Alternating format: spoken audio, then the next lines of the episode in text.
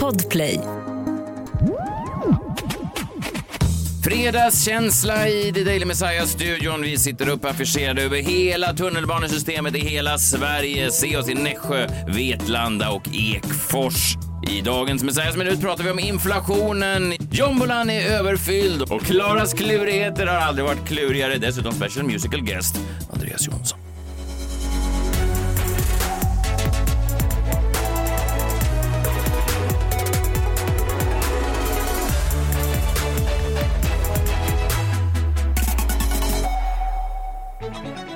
Okej, vi är tillbaka här i studion. Eh, Det är jag själv, Messiah Hallberg. Klara Doktorow. John Wilander Lambrell. Fredag, hörni. eh, Den är en bra eh, Kristi flygare. Kristi Flygare. Ska man fira någonting särskilt då? Mm, eller man då Jesus drog till himlen? Eller för Mm, andra gången? mm. Eller nej, han drog ju inte första gången. Nej, precis. Hur länge har Bra du läst religion? precis, och det brukar jag fira. det firade jag faktiskt genom att vara ute på en medelhavsrestaurang på Södermalm. Jaha, vad härligt. Mm, vad käkade du då? Jag käkade eh, tapas.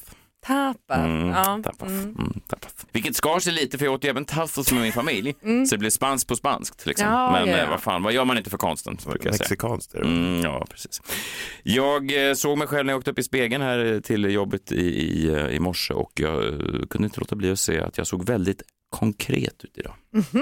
Tydlig Väldigt och konkret. Ja, väldigt konkret. Så att om ni tycker att jag är, framstår som extra konkret så är det därför. Fast i konturerna liksom. Mm, väldigt konkret. Väldigt konkret. Jombolan är överfylld idag. Den ska handla om en intervju i eh, min favoritpodcast Framgångspodden. Mm, precis. Mm, Med din favoritgäst Emilio Ingrosso. Oh. Jag, jag, jag, jag vill inte ens, eh, jag vill inte att du spoilar någonting om vad som kommer hända.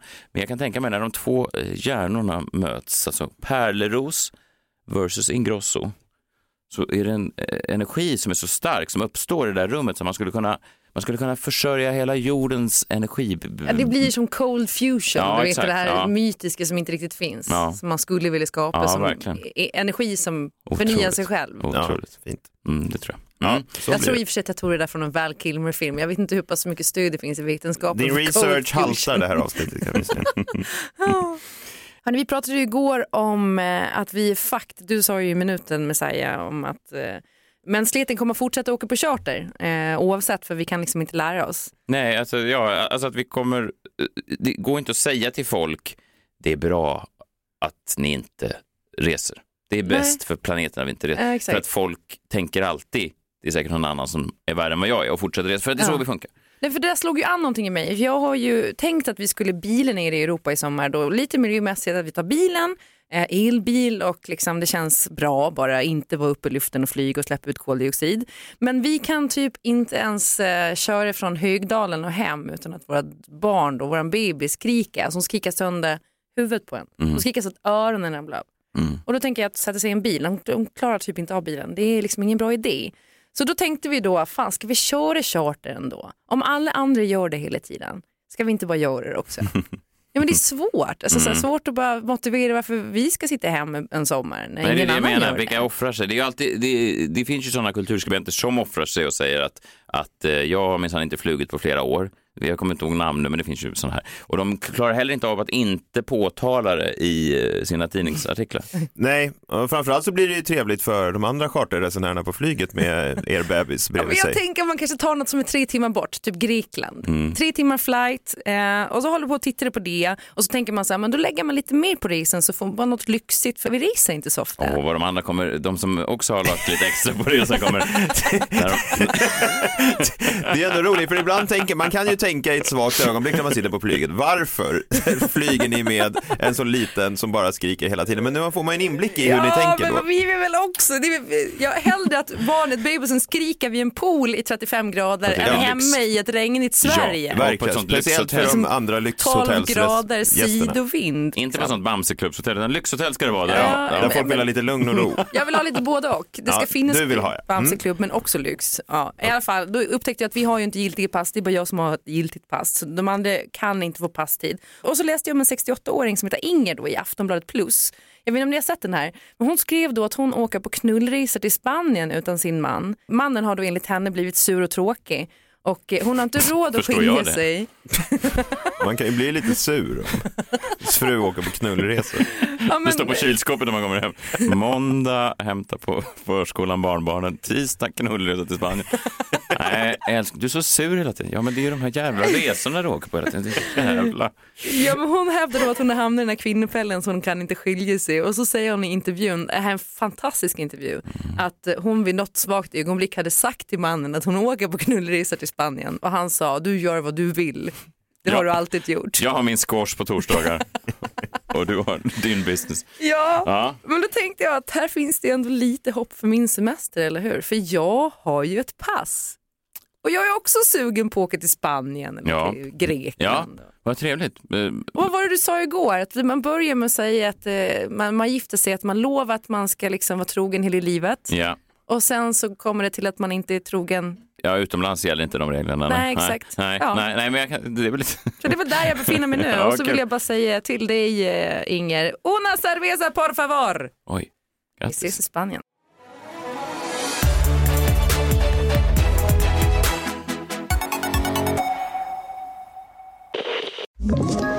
Ett poddtips från Podplay. I fallen jag aldrig glömmer djupdyker Hasse Aro i arbetet bakom några av Sveriges mest uppseendeväckande brottsutredningar. Går vi in med hemlig telefonavlyssning och, och då upplever vi att vi får en total förändring av hans beteende. Vad är det som händer nu? Vem är det som läcker? Och så säger han att jag är kriminell, jag har varit kriminell i hela mitt liv men att mörda ett barn, där går min gräns. Nya säsongen av Fallen jag aldrig glömmer på Podplay.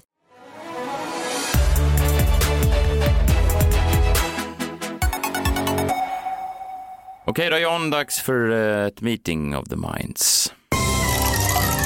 Kom närmre, kom närmre, var inte rädda. Allt kan hända, allt är möjligt när vi spelar på vår jombola. Varje dag så drar du någonting ur din jombola, en lapp, står det någonting på lappen och då måste du snabbt komma på vad du ska säga på ämnet. Idag så tog du lappen lite tidigt och eh, på den så stod det, Emilio Ingrosso i Framgångspodden. ja just det precis, det var väldigt, jag är väldigt nyfiken på att höra det här. Har han varit med där? Vad snabbt du glömde bort det. Ja. Nästan som att du inte vill höra det här. Eh, var han med där? Ja, men han var med Mm. eh, nyligen då, spännande såklart. Han har inte varit med där tidigare. Det är ofrånkomligen så att eh, om man tänker på Emilio Ingrosso så tänker man på kanske då... Eh, Cannelloni? ja, men man kanske också tänker då på två personer, Tagliatelle? två personer som är... Macaroni är det. Ja, absolut. Mm. Ska ni dra alla pastasorter innan vi kan gå vidare? Nej. Bucatini. Ja. Oh, den är bra. Ja, bra tjock och fin. Mm. Kul. Nej, men och då undrar man ju lite så här, men vad har Benjamin och Bianca Ingrosso haft för sig då under veckan? Det har varit framgångar, nya framgångar varje vecka. Mm. Eh, Bianca gick bland annat ut till Folkets jubel på Avicii Arena där hon skulle hålla något anförande där det var fullt med folk i veckan. Eh, vi kan väl lyssna på det lätt. Välkomnar in Bianca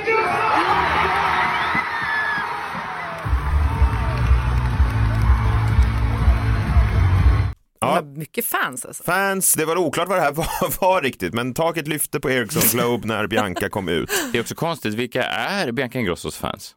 Ja, de... Jag är ett fan. Ja, fan vi är väl fans. Men vad, vad är det man gillar då?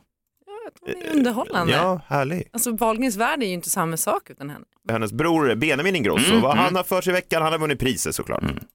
Och vinnaren är... Benjamin Kul. Ja, kul. Han Ja, vann verkligen. Grammis för årets eh, artist. Välförtjänt. Eh, så det är klart att när eh, Emilio Ingrosso då eh, får frågan lite om hans barn då så kanske man inte kan klandra honom då att han kanske glömmer bort någonting. Vi kan väl lyssna. båda mina barn, eller alla mina barn, tre barn som jag de har ju en del, en, en del av mig också. Så att, Ja, eh, Oj då. båda, tre barn har han ju. Oj. Undrar vilket barn det var han glömde bort. Eh, vi kan väl lyssna på vad- vilket han kanske tänkte skulle glömma bort. som du kommer nog märka under intervjun att jag är lite lik Bianca i vissa saker och sen är de lika mig, Benjamin lik mig på andra saker. Oliver då? Ja, Oliver Ingrosso finns ju också. Men intervjun då Pärleros ger ändå Emilio en chans att eh, liksom få in Oliver här på något sätt. Han har ju ändå tre barn, det rättar han ju sig till. Vi får se om han tar den chansen. Berätta då, vem är, vem är lik dig på vad? Bianca är ju mer lik mig på att hon, det är så mycket känslor, det är så snabba beslut hon tar genom att hon känner det hon känner. Benjamin är lite mera lik mig på hans, hans sätt att skapa musik och allting. Uh, Matintresset också. ja, matintresset ja, men det har de ju fått från mig. eh, men jag tänker mer Bianca, hon är lite mer lik mig i min person. Som jag är. Så, som hon är ju, och Benjamin är li, lite mer, han är mer lik Pernilla i vissa anseenden. Faktiskt, så är det. blir så. Det är svårt att säga vad de, men det, jag känner ju igen mig. Jag kan ju titta på dem ibland och säga, men det, är- så där gjorde jag när jag var ung, så där gjorde jag när, till Benjamin och Bianca. Nej, men, åh. Man kan ju nästan höra på honom att det, det, han inser att det är någonting han glömmer bort. Ja, men är det att han känner konkurrens då? För Oliver har väl precis öppnat en italiensk restaurang i Stockholm. Fast det är väl mörkt om man försöker då Ja men vadå, det konkurrerar väl med deras La Perla eller vad fan det heter? Kanske är det det, jag vet inte, men kanske att det är egentligen intervjuarens fel. För eh, Alexander Pärleros, det, jag röstar redan nu på det. eh, Pärleros i en annan intervju nyligen med Jireel, eh, han kunde inte heller komma ihåg sina familjemedlemmar, så kanske blev han påverkad. Jag har ju också, du har ju alltså nio syskon. Ja, precis. Jag har faktiskt fem, sex syskon. Runt där kanske. Kan, nej, jag, fan, jag vet om... Jag vet om... Eh, eh, jag har ett... Jag har, Ja. Eh, så kanske blev han bara påverkad av att ha lyssnat för mycket på Framgångspodden. Ja, det finns många skadeeffekter av att lyssna på den tror jag. Ja. Jag åt ju Tassos redan då på eh, torsdag den här veckan för att ligga ett steg före konkurrenten som någon har slagit på då The Daily Messiahs fredagsavsnitt bara för att höra Tasso-tips. Eh, Då måste ni gå tillbaka till gårdagens avsnitt för att höra det då. Jag tänker inte spoila det här. Vilket, ja, jag är ledsen att göra besviken, men då måste jag göra någonting annat då på på fredagen, så att då får vi, ja, det här är också för min familjs skull, att de kommer då bli besvikna såklart. Jag, de sa igår, kommer vi nu kunna äta tassat både torsdag och fredag? Det tycker jag blir för mycket. Och man vill heller inte fästa så mycket fokus vid det i, i det här programmet. Man vill bara att det ska flöda som vattnet i en flod. Man vill inte att det ska liksom stanna upp eh, det vill man. den kreativa processen. Så att i alla fall, strunt samma. Det jag har gjort då är att jag har försökt, ja, vi ska äta någonting annat ikväll helt enkelt. Eh, Och då tänkte jag skulle nämna vad jag har på det istället, får vi se hur det känns. På torsdag äts det ärtsoppa, på lördag är det fest. Men fredag är ändå den dagen som känns bäst. Ge mig då kyckling, det gillar jag mest. Kyckling på fredag, det enda jag vill ha. Jag vill ha fredag idag. Mm, just det, precis. Det är fredag den 27 maj och då brukar jag och min familj ibland äta kyckling och idag har jag på, på min kyckling, ja, det är currysås. På torsdag äts det ärtsoppa, på lördag är det fest. Men fredag är ändå den dagen som känns bäst. Ge mig då kyckling, det gillar jag mest. Kyckling på fredag, det enda jag vill ha. Jag vill ha fredag idag. Nej, jag vet inte Det känns som att du kopierar din meny från Bamba, alltså skolmatsalen. Jag tyckte inte, jag vet inte, det kändes inte alls rätt, det kändes nästan perverst och t- t- just med kyckling, att folk skulle vara intresserade av vad jag har på min. Får se om det där kommer tillbaka eller hur vi gör nästa vecka. Jag, jag känner, det känns inte rätt i kroppen på något sätt.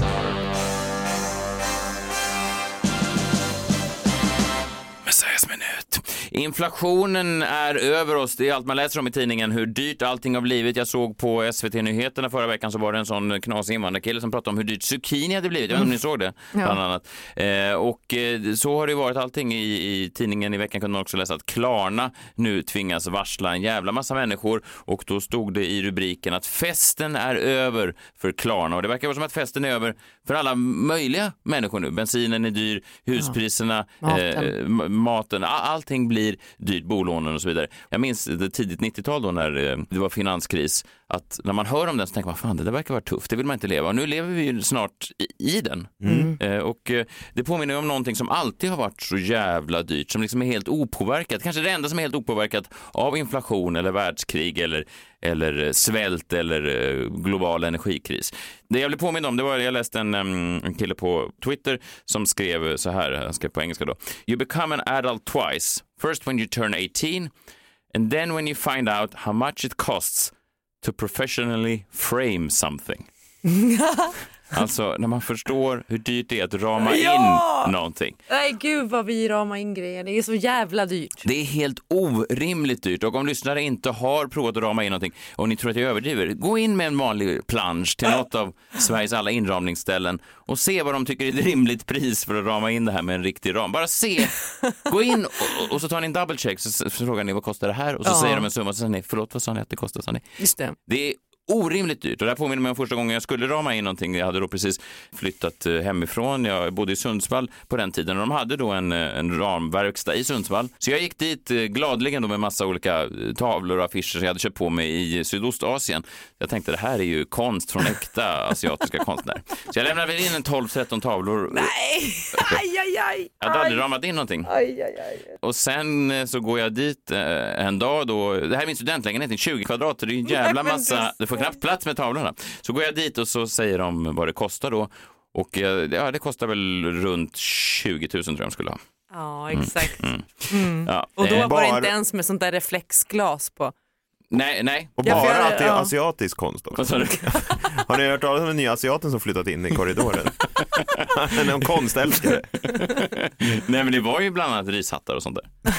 Jo, jag minns. Ja, ja de, vissa av dem är väldigt fina. Kristina vägar har dem uppe för just eftersom vi inte är från Vietnam. Nej, exakt.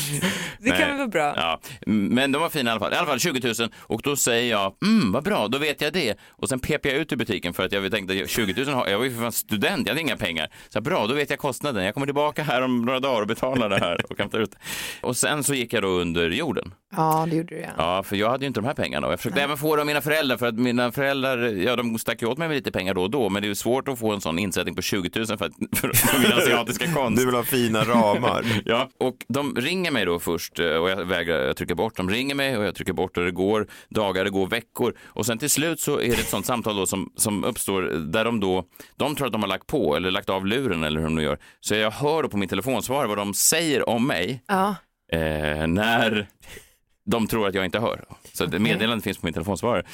Och då säger de, eh, ägaren då, den här rambutiken, säger eh, han svarar inte igen Hallberg, han svarar inte. Och sen är det tyst i några sekunder och sen hör man bara Horebög! Ja, det var ju, han var lät så jävla arg också. Horbög frustar han fram i ramverkstan. Jag har aldrig hört just hor och bög sitta ihop på det sättet. Men du hade inte varit i Sundsvall innan. Nej, det är sant. Det kanske är vanligt där uppe. Men jag, jag, blev, jag blev så... Om jag inte ville gå in i butiken innan han hade skrikit horbög på min telefonsvarare så var jag inte mer sugen efteråt. Eh, men sen till slut så lyckas jag eh, önska mig pengar av mina föräldrar då i julklapp och sånt där. Till slut får jag ihop mina 20 000 och då ska vi hämta ut de här tavlorna. Men det som är så bra då det är att min flickvän Anna är uppe i, i stan och hon hälsar på mig. Så att jag säger ingenting till henne, jag säger bara, hej Anna, är du sugen på att gå och hämta ut lite tavlor? Efter månader alltså. Ja. Så får hon den lilla papperslappen som jag lämnat in, mitt lilla inlämningskvitto. Eh, och eh, hon säger, ska du inte gå med och bära? Och jag säger, vet du vad? Jag väntar här runt knuten.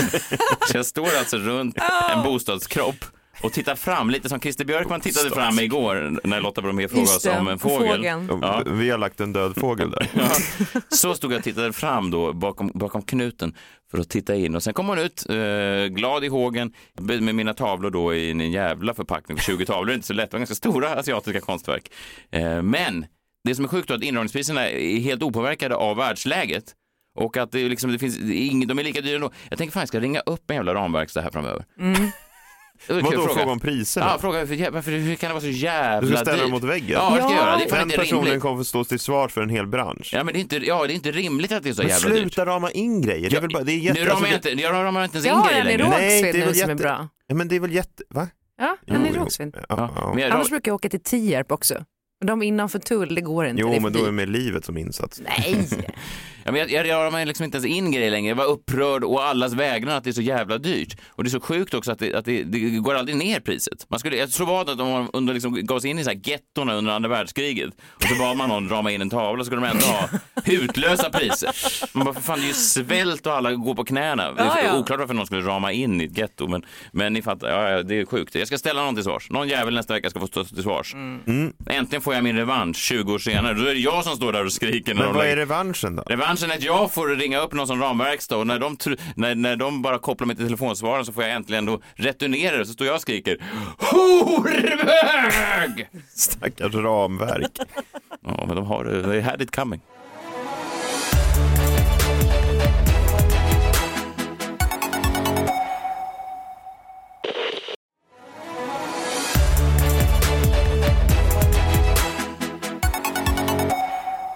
Hörrni, jag, jag eh, har varit med om en lite rolig grej i mitt liv. Jag tänker att ni ska få eh, gissa nu vad det här är för tv-program.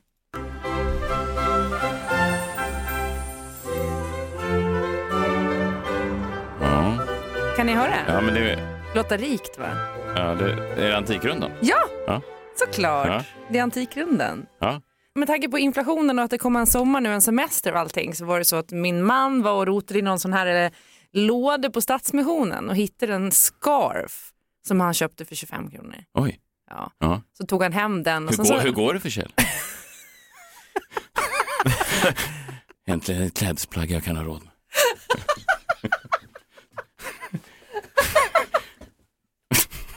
Vem bara med skal? Det har varit nedskärningar i alla branscher. Fy fan vad deppigt det låter när du säger det sådär. Ja, lite. Vi ska inte håna folk som går och handlar där, men just, Och sen när han hittar Kjell också. ja, Kjell är ett namn som passar in bra på Stadsmissionen. Så köper en scarf. Bara skav, inga byxor, inga tröjor. Älskling, nu kan vi gå på den där festen. Jag har hittat ett plagg som... Sen undrar man också var den där scarfen har varit. Det är ju det. Ja det kan man absolut undra. Men jag, Fan har den varit? han kommer hem med den och jag hittar den och så tittar jag på den och så säger jag så här, men du Kjell, eh, det här är en Hermes-scarf säger jag. Och han bara, nej men det är det inte, den är ju fake. Men jag tyckte det var ett fint mönster, jag tänkte att vi kanske kunde ta den till ramverkstaden och rama in den. Som man gör med liksom Hermes-scarfer. Ja. Och sen så satt jag och började liksom fundera lite, så, så, skulle jag liksom kolla upp då om det kunde vara så att det var en äkta scarf Mhm. från Hermes. Mhm. Och då visar det sig att det finns vissa kriterier de måste fylla och det ena är då att sömmen ska vara rullad och handsydd. Sen så ska den vara exakt eh, om det är 90 gånger 90 centimeter och eh, trycket ska vara ordentligt i, i ordentliga färger. Och sen så ska den vara signerad och så ska den, Herme, Mr Herme. nej men typ att det ska stå vem det är som har designat trycket Okej, och så okej, ja. vidare. Och, så. och den sista grejen då som man kan dubbelkolla är ju väger den 65 gram. Så jag går och tar fram in den här eh, digitala matvågen. Mhm. Och så lägger jag på den här eh, sjalen. Mm. Och så blir det exakt 65 gram. Så det är en äkta fucking jävla Hermes-scarf som han har hittat på Stadsmissionen i en låda. För 25 kronor? Ja. Jo men den har ju varit med i någonting. Det är Och då det. hittade jag också online, googlade upp, såg Mm. jag, det här visade sig då dessutom vara en rare Hermes-scarf. Den, gjorde- den trycktes inte i så många exemplar, den är från 1966, vilket är ju tidigare desto bättre. Ja. Eh, och färgställningen är jätteovanlig. Så då är den jäveln värd i alla fall minst 5 000 spänn. Åh, jäklar. Kjell-? Ja, men Kjell går in på Stadsmissionen som en sån tryffelgris. Ja, Ja, fantastiskt. men det är sånt här som bara händer den jäveln. Men du menar att du ska lämna in den på Antikrundan? Nej, jag behöver... Du kan lämna in, kan lämna in Kjell annars. Hur mycket tror han är värd? Han är väl runt 55? Hans livförsäkring har gått ut. Ja, nej, jag tänker att jag faktiskt ska ta... Vi har sagt att vi ska rama in den och sätta upp den på väggen. Ja, vad fint. Då Ja. har jag tips på en bra ställe i Sundsvall. Där står han redo. Har du ramat in något någon gång, Andreas? Nej, nej det har du inte. Vi är tillbaka nästa vecka. Tack för att ni är med oss. Ta hand om er. Hej! Friday, Friday, gotta get down on Friday. Everybody's looking forward to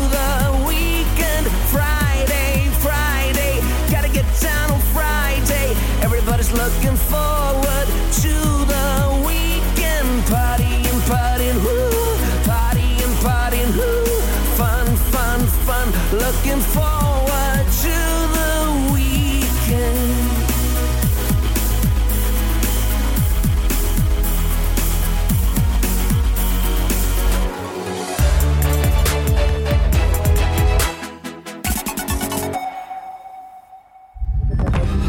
Podplay, en del av Power Media. Ett poddtips från Podplay. I fallen jag aldrig glömmer djupdyker Hasse Aro i arbetet bakom några av Sveriges mest uppseendeväckande brottsutredningar. Går vi in med hemlig telefonavlyssning och, och då upplever vi att vi får en total förändring av hans beteende. Vad är det som händer nu? Vem är det som läcker? Och så säger han att jag är kriminell, jag har varit kriminell i hela mitt liv men att mörda ett barn, där går min gräns. Nya säsongen av Fallen jag aldrig glömmer på Podplay.